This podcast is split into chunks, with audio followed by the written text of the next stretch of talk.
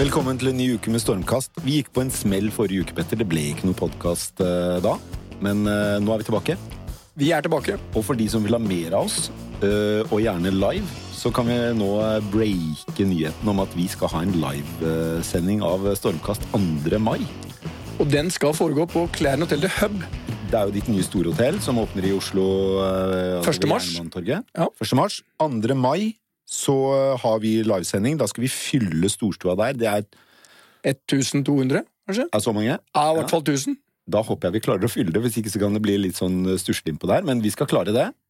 Jeg tror det kommer til å bli helt fantastisk. Billettene legges ut på ticket.co omtrent i snakkende øyeblikk, tror jeg. Så når dere hører på dette, så er det bare å gå inn på ticket.co .no, vil jeg tro. Og eh, bestille billetter til venner og familie. Og, og vi skal vel kjøre et, en utvidet stormkast med gjester og litt underholdning. Ja, det kommer til å bli kanonbra. Fullt trøkk. Så det, det, må dere signe dere opp på. Vi har to gjester i studio i dag som er kanonbra. Det er ett problem med dem. De er begge menn. Vi har jo en sterk ambisjon om å ha mange kvinner med i denne sendingen. Vi røyk på en, en gubbesmell i dag, men for noen gubber! Ja, men vi har jo um, stort Vi har vært veldig flinke til å ha også to uh, Så vi har, vi har ja, ja. Vi, Senest for ja. forrige pod, to kvinner. Ja. Denne gang to, to, herrer, får vi si. Odd Arild Grefstad, konsernsjef i Storebrand, velkommen. Tusen takk. Du er jo en del av det vi jo litt pretensiøst kaller stormkaststallen. Det er veldig godt å ha deg tilbake. Det er, ja, så bra. Og du er sporty, fordi vi sender deg jo alltid temaene vi skal snakke om, altfor seint. Og uh, du får dårlig tid til å forberede deg. Du får nesten like dårlig tid til å forberede deg som det Petter og jeg har. Så det er uh, Skal være litt spontant, skal ikke det? Jo da, det skal det. Uh, og den andre gjesten i studio, det er jo Carl Munte Kaas i kolonial.no. Velkommen til deg òg. Takk. Carl, du har vært på to måneders pappapermisjon med kone og barn eh, over store deler av verden. Ja, det har vært helt fantastisk. Kone og tre barn. Kone og tre barn. Hvordan går det med kolonial i mellomtiden? Det går mye bedre med kolonial når jeg ikke er der. Så, så, det har vært fantastisk. Ja. Det var veldig deilig å vite. Jeg burde egentlig bare dra på pappaperm igjen med en gang. Ja. Ja. Da, men da, gratulerer. Hvis du har tre barn, så ligger du da rett i uh, feltet til Ernas anbefaling. Minst tre barn. Men det har jo du av tre barn, Petter har tre barn, jeg har tre barn, så vi, uh, vi, vi uh, leverer. Men Vi har tro på egne gener, ikke det man sier? Eller dårlig impulskontroll. til nå så har det vært sånn at for hver gang Kolonial har dobla inntektene, så har dere doblet underskuddet. Hvordan går det nå? Eh, nei, nå, vi går ut med tallene i juli, ja. som normalt, så sent vi kan. Eh, rett og slett, Vi, vi føler ikke for å dele mer informasjon enn nødvendig, men, eh, men eh, jeg kan si at eh, tapene faller. Tapene faller. Mindre underskudd? Mindre underskudd. Er det mindre inntekter òg, da? Eh, nei, det er det ikke. Det er ikke det. Men dere, dere, har jo, altså, konkurrentene, dere har jo nesten ikke konkurrenter igjen. Det er jo snart bare deg. Ja, ja. ja det liker vi jo godt. Så. Og jeg må si en ting. Jeg heier på deg, ikke minst at uh, halve konsernledelsen i Nordic Choice kommer til å sulte i hjel uh, hvis ikke Kolonial.no overlever. Og jeg skjønner ikke hvordan vi skal organisere det, men jeg begynner å ha en egen sånn servicetjeneste, sånn handletjeneste. Du òg bruker jo kolonial.no. Ja, jeg elsker kolonial.no, ja. så det har mine, mine, varmeste anbefalinger. Men det, det, sier jeg ikke fordi du er her i dag, Carl. Det er kjempebra tjeneste. Ok, vi uh, kjører på.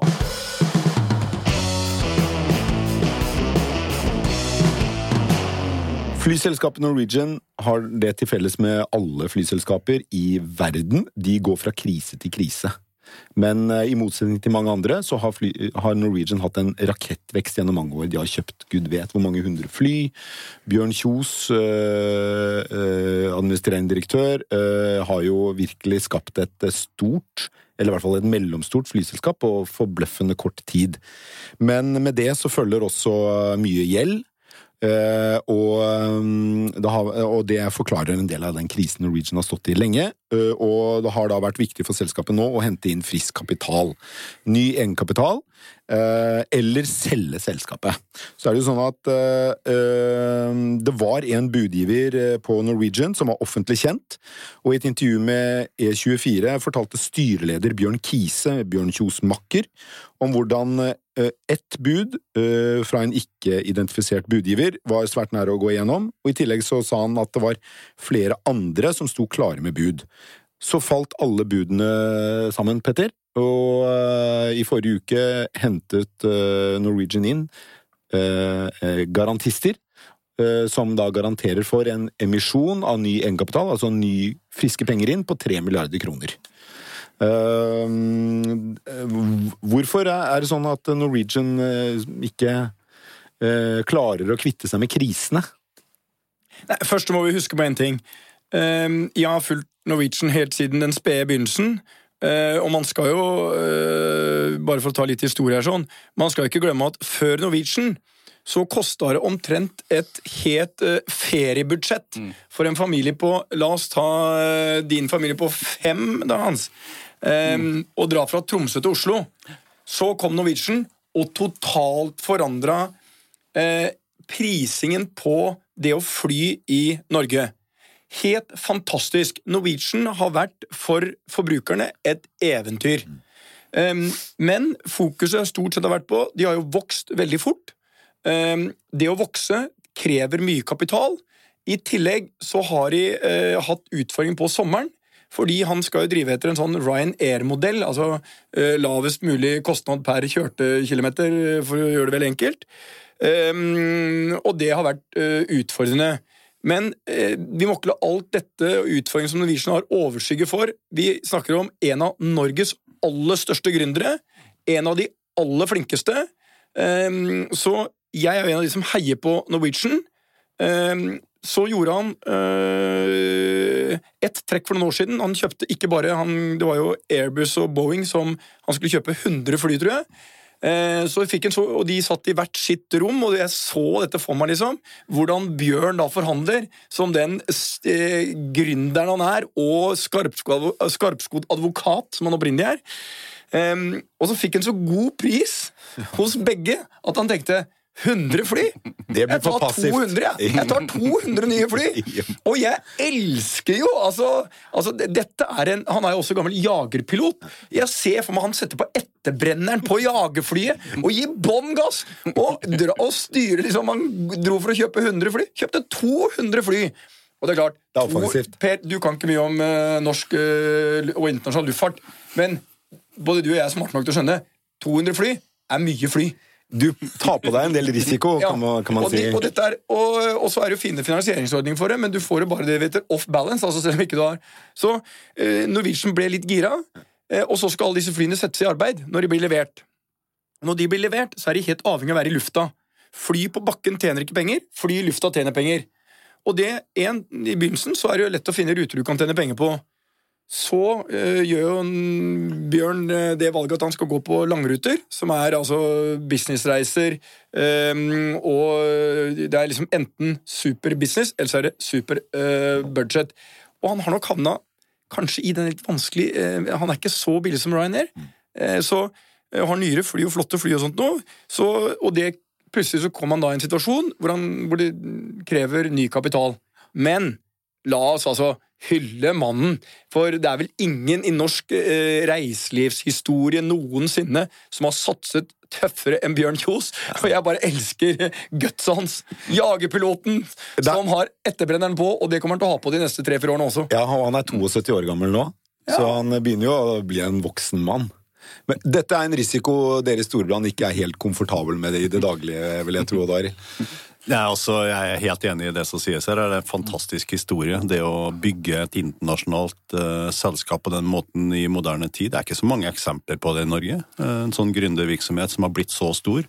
Og det har betydd masse for oss. Uh, vanlige folk også, som reiser i Norge, med den eh, konkurransen som har blitt i lufta i Norge etter at eh, Norwegian eh, kom inn, så er det der en historie som det er bare å ta av seg hatten for. Og så er det jo sånn, det er klart at når du kommer i finansielle utfordringer, må inn og hente kapital, så påvirker det aksjekursen. I hvert fall kortsiktig. Og det er alltid sånn også at når du er i som svakest i slike situasjoner og kommer i diskusjoner om oppkjøp etc., ja, da er det, det er litt som å selge høns i, i regnvær. da. Så det er ikke en god situasjon å være inne i, og en vanskelig situasjon. Jeg har vært med på en del fusjon- og oppkjøpssituasjoner. Det kan se enkelt ut utenfra, men det er ekstremt mye jobb.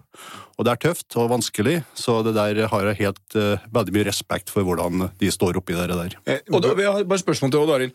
Du har jo vært med i mange år og som du sier, vært med på mange fusjoner og oppkjøp. og... Det er mye juicy der, altså. Ja, ja, ja. Men har, har, du, eh, altså, har, du, sett hvor påfallende mange ganger på regnearket så ser alt helt fantastisk ut? Og hvor sjelden altså det regnearket hvor alle ekspertene og alle rådgiverne er inne, og alle som skal kunne tar feil. Ja, nei, det er... Uh... Hva, er hva er den største, liksom, hva er du opplever som den største utfordringen når du gjør oppkjøp eller fusjoner? Ja, Nå har jeg vært med på veldig mange ganger og prøvd å blitt oppkjøpt oppå. jeg. altså. det er liksom ja, det, er, det er liksom uh, mye historie rundt det også, men, men, det er klart at det er det er jo ofte i disse oppkjøpene så er det jo eh, det er, det er, få som har kjøpt et hus det er noe å ta og føle på. Det er veldig mye intangibles, det er goodwill, det er fremtidig inntjening, og det er folk. Veldig ofte mye hodene til, til folk innenfor finans i hvert fall du kjøper, og det å være sikker på at du da har alignment rundt interesse fremover, at du ønsker det samme, at du blir med på den reisen i en helt annen kultur. Altså kulturforskjellene når man slår sammen selskapet, er kanskje noe av det vanskeligste å vite på forhånd, og vanskeligst å håndtere i ettertid. Men du, eh, Børskommentatoren i Dagens Næringsliv eh, var veldig kritisk til eh, til det som har skjedd i Norwegian det siste, det at de hadde fire-fem bud, eh, eller budgivere, klare. Eh, og så klarer de ikke å få et bud ut av noen av dem, og så må de da ut og hente egenkapital til det som ser ut til å bli en ganske dårlig pris i aksjemarkedet. Eh, og han skriver at det er som han ikke tror det er sant. Hvor mye skal Kjell Inge Røkke ha for å lære Norwegians styreleder sine skitneste selge høns i regnværtriks? ja, det, det, er veldig lett å skrive kommentarer i avisen på sånne ting. Men men klart når man har vært med på den type transaksjoner. Jeg vil si at eh, ni av ti eh, oppkjøp og fusjonsforsøk de blir det ikke noe av. Mm. Eh, og det er komplisert. Det er tidsfrister, det er Man må forholde seg til offentliggjøring av informasjon, både av emisjoner og av bud som kommer inn. Og så føler jo ofte de som da gir budet, at de trekker jo bena etter seg også, for de skjønner at her er det et kapitalbehov ute, ja. og så skal man skvise sitronen på den siden. Man vil jo ikke selge ut verdier for mindre enn det det er verdt heller. Så det er vanskelige vurderinger eh, som de står oppe i sånne situasjoner, som jeg har veldig mye respekt for. og mer respekt for det enn for å skrive en kommentar på det, faktisk. Men det kan være, men, det kan være kjempevanskelig, det òg, Daril. Ja, ja, ja, jeg har respekt for det. Du henta jo også mye penger her. Carl. Det er Carl. Du henta jo også mye penger her. Eh, var det 300 millioner? Ja. ja. Um, og du var jo et litt sånn i samme sånn Norwegian-situasjon. Kraftig ekspansjon. Eh, krever eh, arbeidskapital. Mm. Altså Det å vokse krever jo cash. Absolutt. Kom dette overraskende på deg? Liksom, eh, du var jo, måtte du gi mye rabatt? Altså, Eh, altså I vår emisjon? Ja, ja. Nei, vi har, vi har hatt altså det, det eh, Først, altså, ja, det er riktig. Vi, vi har hatt penger hvert år. ikke sant? Og, og, Det er aldri sånn at du har veldig veldig lang runway igjen når de pengene til slutt kommer inn. Du setter jo selvfølgelig i gang arbeidet i god tid forvei osv., men eh, eh, vi, altså, jeg syns det er ganske morsomt da, dette her med, med pressekommentarer. har beskrevet masse om oss også, og bare sånn på generelt grunnlag så, så, blir man jo på en måte genierklært det ene øyeblikket og idiotforklart det andre. Og det, det tror jeg har noe med at man må selge aviser aviser, rett og slett. Eh, men, eh, men eh, vi, har, vi har hatt utelukkende stig... Jeg, visste, jeg visste at jeg, jeg tenkte det før jeg kom hit. Den er for enkel, Carl. Dette har vi snakket om mange ganger. Ja, men, men, vi har hatt utelukkende stigende aksjekurs i hver eneste store emisjon. Du er en god selger.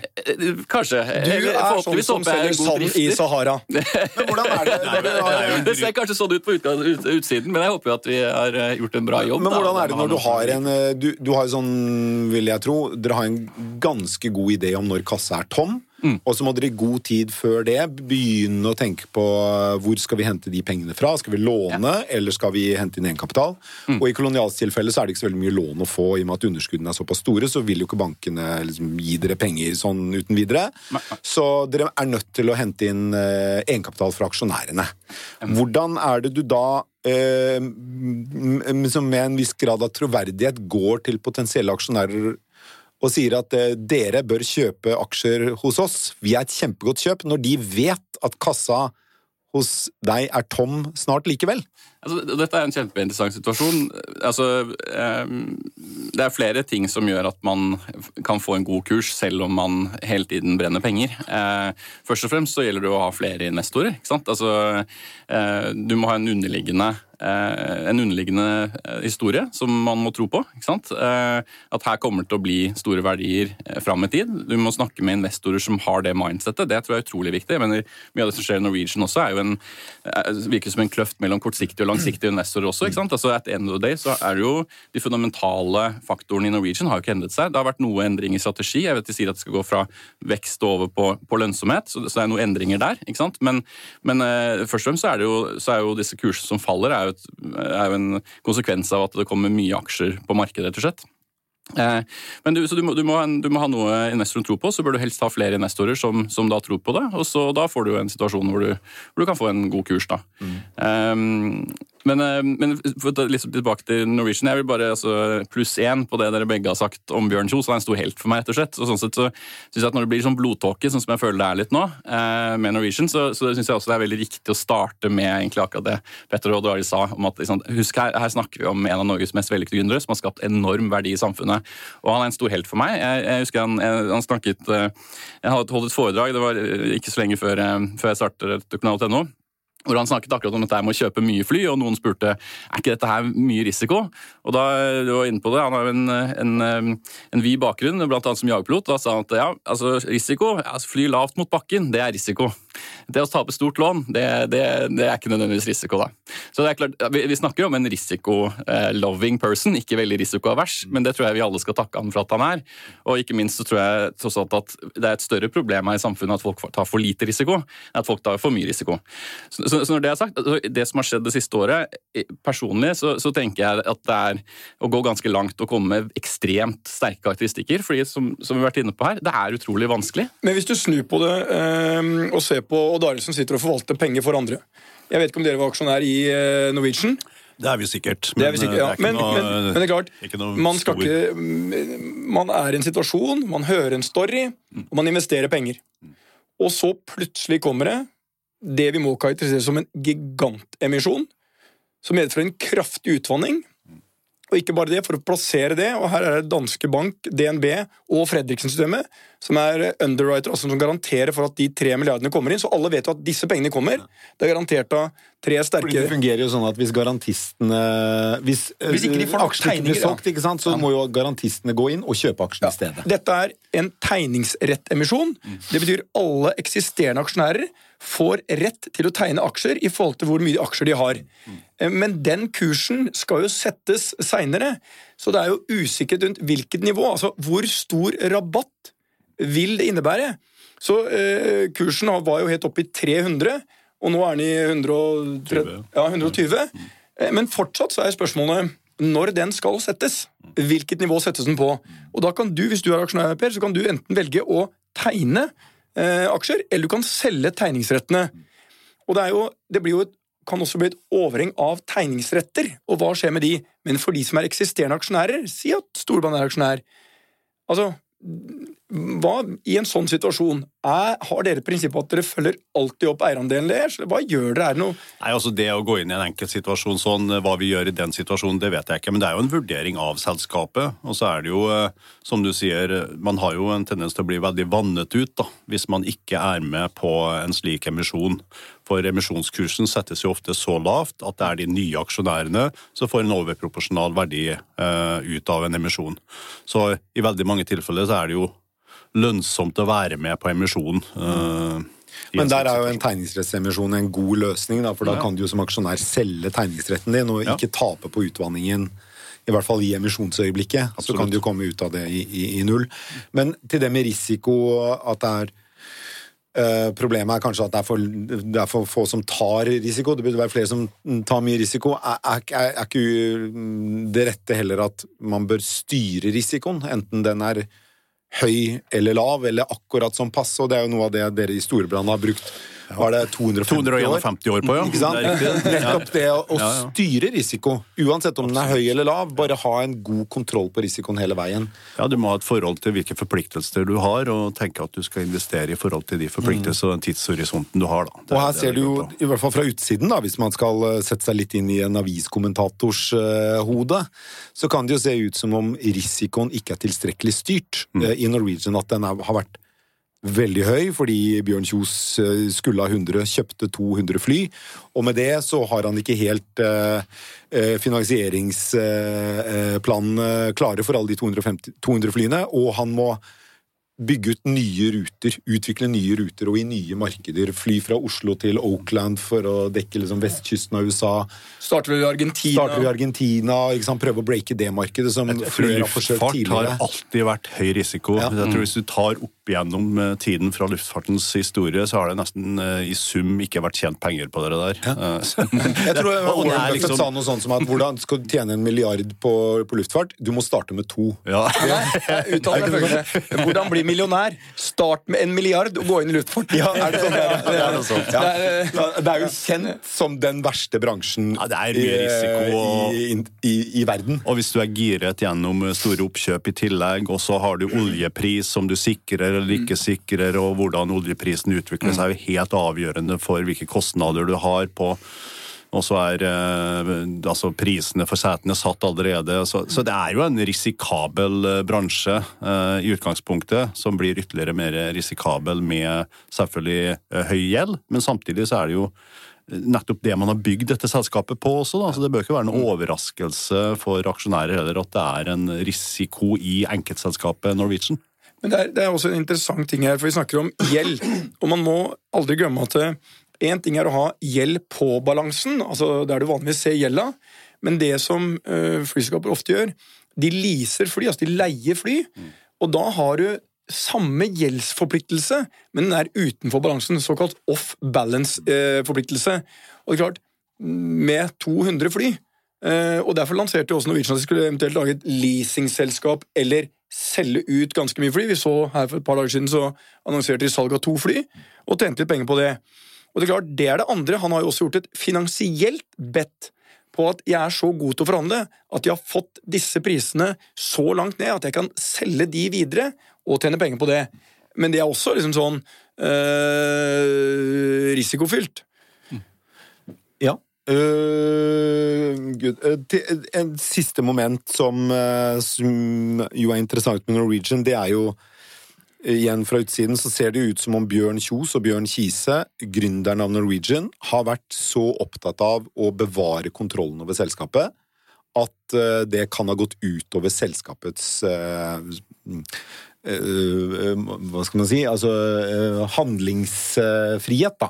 At eh, det at de har holdt igjen på egenkapitalemisjoner fordi de vil ha mest mulig aksjer selv, har liksom hele tiden ført selskapet mot eh, avgrunnen, for å bruke et tabloid uttrykk.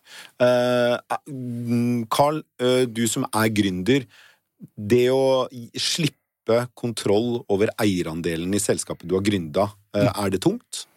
Um, nei, jeg syns ikke det. Det kommer veldig an på hva slags eiere du får inn. ikke sant? Uh, hvordan man, hvordan man resonnerer i forhold til det. Men uh, så langt, så Kolonial har jo fortsatt en kontroll av gründeren i fellesskap, men vi er jo et stort gründerteam. Personlig så har jeg jo vært opptatt av snarere enn at aksjekursen stiger. Det er tross alt det som betyr noe, først og fremst. Ehm, og for oss så har, det har ikke vært noe altså det har ikke vært noe spørsmål. Vi, har vært nødt, altså Vår modell så har vært nødt til å ta inn så mye kapital at vi må ha um, godta en utvanning. Men når det er sagt, så, så vi har selvsagt altså jeg vil si Særlig de første to årene av Kolonials historie så, så dreide jo egentlig gründerskapet seg i stor grad om å bevise verdi så billig som mulig. Og, og det er en grunn til at etter å ha tatt inn 700 millioner, eh, at, eh, at gründerne fortsatt eier så mye som de faktisk gjør, gitt at vi starter jo med null. Og det, altså, eh, det er ganske stor forskjell å starte et selskap med, med, med, null, og starte med om det så er 10 eller 20 millioner. Men vi tok inn 7 millioner kroner de første to årene, og gikk fra en 12 millioner verdsettelse til 200 millioner verdsettelse. Og når den verdsettelsen ble såpass høy, og vi klarte å vise investorene at du, her er det noe skikkelig, da begynte vi å ta inn mer kapital. Så Sånn sett så har man jo gjort en vurdering, og, og den er annerledes som vi har gjort det, enn det jeg vet andre har gjort. Markedet for eksempel, gikk inn med veldig mye kapital veldig tidlig.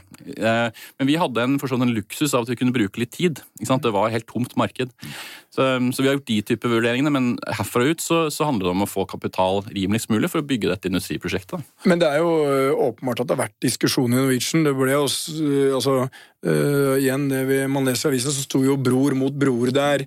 Um, og det er klart, dette er ikke enkle valg, uh, men for meg, jeg har sett det før, så kan det være utfordrende hvis man har noen som vil bevare kontroll i et selskap parallelt med at selskapet er i behov av kapital. men jeg pleier alltid å si følgende hvis du har valget, vil du eie liksom 50% av Jolly Cola eh, For de som ikke vet hva det er, så er det en ganske billig, kjip, dansk, dårlig cola. Eller vil du eie 1% av Coca-Cola? Skal du bygge et selskap, så bygg et stort, flott selskap. Ikke tenk så mye på prosentene, tenk på kronene. Tenk på selskapet. Det er det ene. Det andre er det er jo også en utfordring hvis noen har sittet veldig lenge sammen, um, og du har kontroll, så vil du også helst ha mennesker rundt deg som er litt enig med deg, sånn at du kan bevare kontrollen, og som ikke utfordrer for mye. Um, og det kan være en utfordring. Mener du det har vært et problem i Norwegian? Uh, jeg, tror ikke, jeg, jeg, tror i hvert fall eh, det er åpenbart at uh, Bjørn Kjos er en ekstremt viktig mann for Norwegian. Og det er som du sa, Han er 72 år, han jobber knallhardt. Men det er en utfordring Jeg tipper at Hvis du prater med Bjørn Kjos Jeg har jo vært på kontoret hans. På hans whiteboard så har han altså ruteplaner for disse flyene. Altså, dette har denne mannen i huet. Altså, han er eh, så, så, da får du en du får, du har liksom, og Dette er utfordringen, det blir litt teknisk. Du får både en finansiell risiko, som man har sett avdekkes i disse dager. Så har du også en operasjonell risiko, og så kan du putte på der at du har en, på mange måter en personlig risiko mm. rettet liksom, i forhold til gründeren, som er helt sikkert. Og da får også lett en organisasjon hvor mange vil kanskje prise gründeren, eller priser som hvis Odd Arild er sjef, så vil det liksom være sånn Ja, men hva, hva, vil han tenke? Hva vil han? Hva mener han? Så jeg tror Og kanskje når disse tingene faller sammen, så får du en utfordring. Så jeg håper at de nå Nå har de henta enormt med penger, og det betyr at øh, de har nok penger i overskuelig fremtid akkurat nå. Og så får vi bare håpe at det går bra med Norwegian, mm. og at, de får, at denne tegningsemisjonen eh, blir vellykket. Ja. Og, Men det, jo, det, kommer til å være masse spekulasjoner.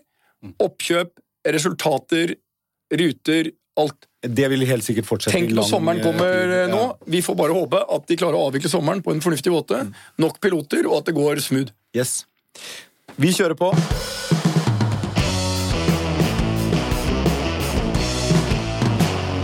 Nylig ble det kjent at uh, selskapet Slack, som holder til i San Francisco, uh, søker børsnotering. Dette er et uh, det er et kommunikasjonsverktøy som er litt mail, litt chat.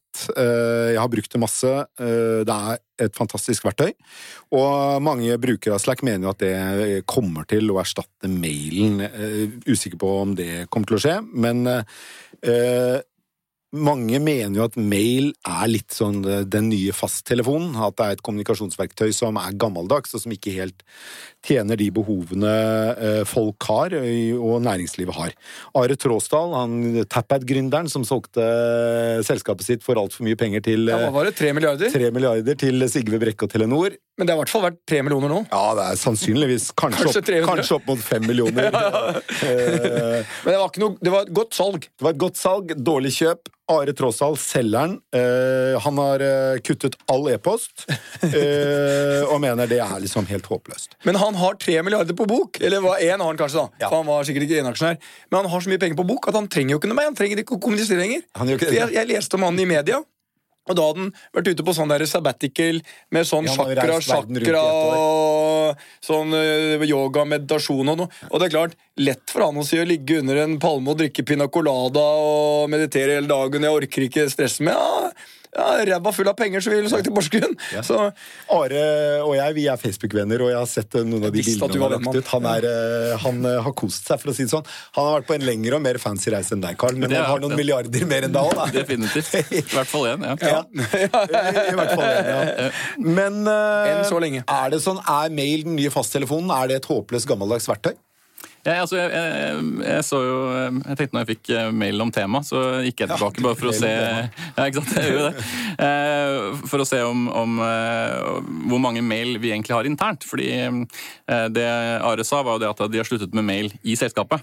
Eh, og det, det, innså jeg at det har egentlig vi òg. Eh, altså, jeg kunne telle på én hånd de mailene jeg hadde fått fra, eh, fra kollegaer i Kolonial de siste to ukene. Eh, og alle de mailene var for øvrig mailer som noen fra utsiden hadde svart på. Så det var en videresending eller et svar til noen som så, Som andre var egentlig tallet null. Det var null mailer som hadde gått fra min CFO eller CMO eller CCO til meg om et eller annet. Eh, og det er fordi vi gjør all kommunikasjonen på Slack. Dere bruker Slack? Det gjør vi. Mm. Og i tillegg så bruker vi også noe som heter Quip, som er et samarbeidsverktøy i skyen. Så, så gjennom nettleseren. Superpraktisk. Der kan man samarbeide på, på temaet. Fordelen med det er jo at det, hvis du gjør et stykke arbeid eh, skriftlig, så trenger du ikke å si ifra eller sende det på mail til noen. Det, det kan alle gå inn og se. Um, så jeg tror definitivt at han har rett i at det blir en helt annen samhandling. Men grunnen til at antageligvis mail ikke blir borte med det første, er det at eh, for ekstern kommunikasjon så vil det fortsatt, og så vidt jeg kan se, i lang tid være veldig viktig. Jeg, jeg kunne ikke skrudd av mailen min, for da ville jeg ikke fått mailer fra andre. Eh, og det er man jo også avhengig av. Og så vil jeg bare si at eh, Are er jo en venn av meg også. Eh, og eh, det er ikke sikkert at det var et dårlig kjøp. Det, det, det er tross alt noe med at store selskaper må også kunne forvalte en startup de kjøper. Så eh, igjen, jeg vil si suspend judgment på det. Det er lett på, på utsiden å si at de har avskrevet vi har, bare lest, vi har bare lest i avisa, vi. At, Petter og jeg er som aviskommentatorer. Vi bare mener noe. Nei, men Det går jo an å tenke seg at det var et godt salg av et godt produkt eller en, et godt selskap, men ja. et uh, dårlig kjøp. Fordi ja. man ikke var den rette kjøperen, da. Det går jo an å se for seg at ja, Vi vet jo i hvert fall at de har skrevet ned verdien på det, eh, så de har i hvert fall ikke klart, å, de har ikke klart å, å kapitalisere på det. Men, men, men revisor mener det har vært litt mindre enn det de betalte. Absolutt, men verden forandrer seg. Det kan ha vært det da og ikke nå, og det kan være at de ikke gjorde det riktige med det etterpå. så... Men Oddvar, hvordan er det i storbånd? Får dere fortsatt mailer? Er du en altså, sånn mailmann? Jeg må jo først si at uh, jeg hadde jo mora til Are som gymlærer på Orkdal videregående skole. så jeg har jo forhold til Are. Are, hvis du hører det nei, nei, han er hjemme nå. Men, Are, vi klarer jo ikke å nå deg gjennom Facebook, så vi kan, vi kan prøve på Messenger på Facebook. Men hvis ikke, uh, ring oss, da. Eller send oss et eller annet. Sånn er sambygding omtrent, da. Så det er bra, da. Nei, men uh, altså, jeg har jo ti års arkiv, jeg, på mail. og så måtte jeg jo rydde opp i det nå, for GDPR gjør jo at du må rydde opp i mailene dine. Og... Du må forklare GDPR. Ja, GDPR det er en sånn eh, General Data Protection uh, Rule som nå har kommet, som sier at du får ikke lov å oppbevare personopplysninger. Så hvis det står en personnummer i en mail ti år tilbake, så har du da brutt loven og kan bli bøtelagt. Og det er veldig mye som finansinstitusjoner og andre har gjort nå. Dere har sikkert alle fått når dere går inn på en VG eller et eller annet, så får du sånne stadige opplysninger om at du må trykke ja og nei på, på, på opplysninger. Så det har vært mye rundt det. da. Jeg leda jo E24 da hele skipsstedet, også E24, tilpasset seg GDPR. Og det var jo ikke mulig å få gjort noe som helst med produktet nei. i et halvt år, fordi nei. alt handlet om å tilpasse seg GDPR. Og det er jo mye av trusselen nettopp det at det var, var, så store bøter man kunne få som mm. selskap. Man kunne jo velte et selskap hvis man ikke fulgte GDPR-reglene til EU. Det er europeiske regler, vet du. Ja. Nei, så eh, Jeg har fortsatt mye mail, får mye mail, men jeg er jo helt enig i at det er jo veldig mye en sånn kommunikasjon, ekstern kommunikasjon. Veldig mye av intern kommunikasjon. Vi også bruker Slack, mest i utviklingsmiljøene våre. Og det som er fantastisk fint med den type verktøy, er at det, det er mer uformelt. Det går mye raskere. Det er en eh, interaksjon mellom flere personer på direkten der du kan se, og det erstatter faktisk ganske mye møter. Eh, du kan få avklaringer løpende.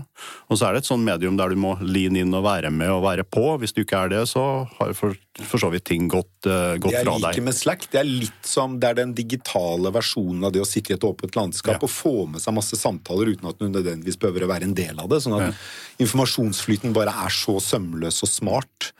Og så kan du bruke giffer i Slack, og det er jo fantastisk. Det, det alene.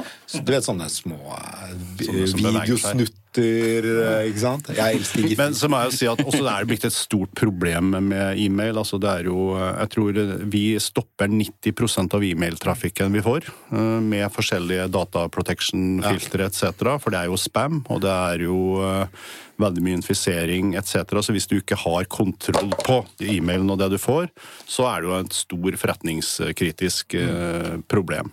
Og så er det jo en tidstyv. Altså, jeg ser jo det folk som sitter spesielt i yrker der du må konsentrere deg, utvikling etc. Du kommer i en flow-situasjon, og hvis du da har på at det, nå har det kommet en mail og skal inn og se på disse tingene, så er det noe av det største tidstyven som er. Det å kunne i hvert fall ta og sette mail til side og ha et tidspunkt om dagen der du går gjennom det, og ikke liksom skal åpne hver mail som kommer. Jeg tror det ødelegger utrolig mye av arbeidsdagen for folk. Så bevisstheten rundt hvordan du bruker den type medier Og e-postkultur er utrolig viktig viktig for at man skal kunne jobbe effektivt. Men jeg tror vi må skille på internt og eksternt, for jeg ser Én ting er hvordan vi kommuniserer internt i Nordic Choice. Uh, Bruker dere Slack eller noe annet? Spør ikke meg om nei, det. Altså.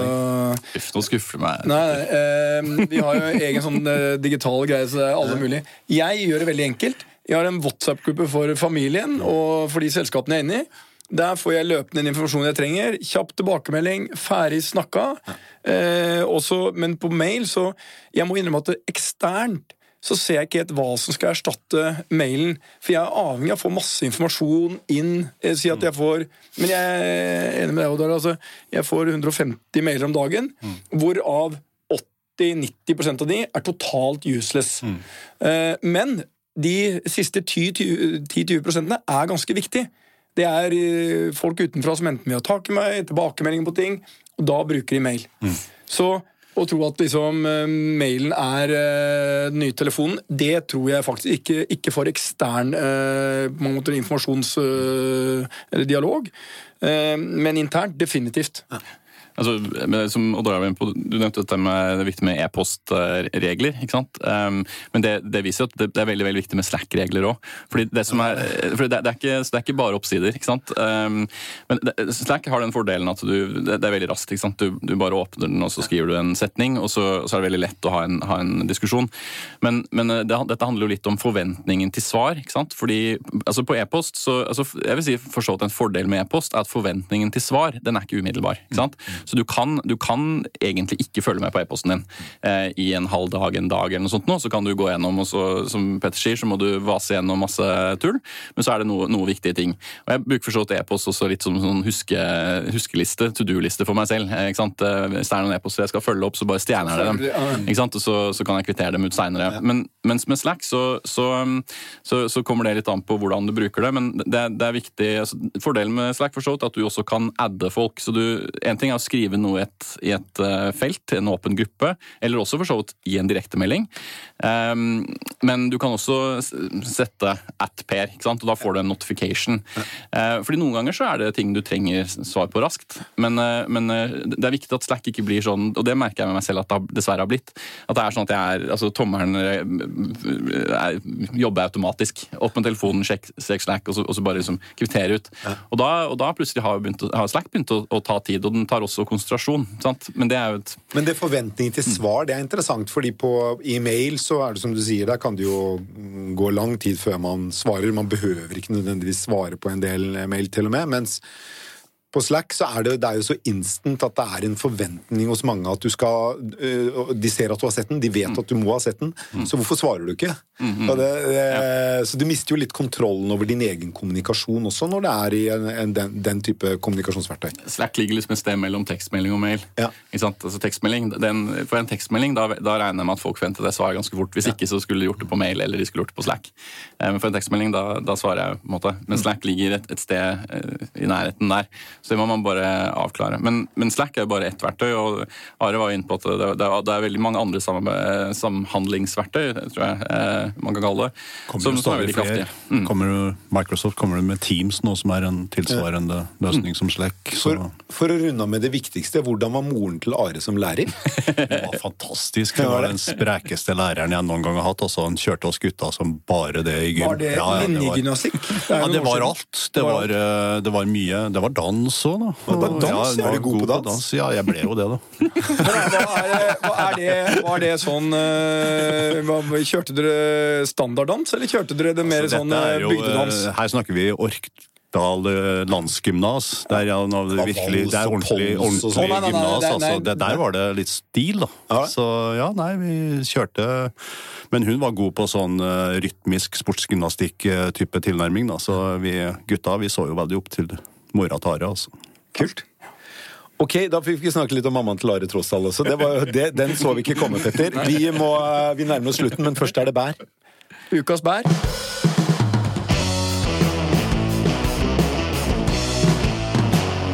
Jeg vil si at noe av det norskeste du har, Petter, det er kulde og snø om vinteren. Det er en ganske sentral del av norsk kultur. Jeg har vært her i ganske mange hundre år.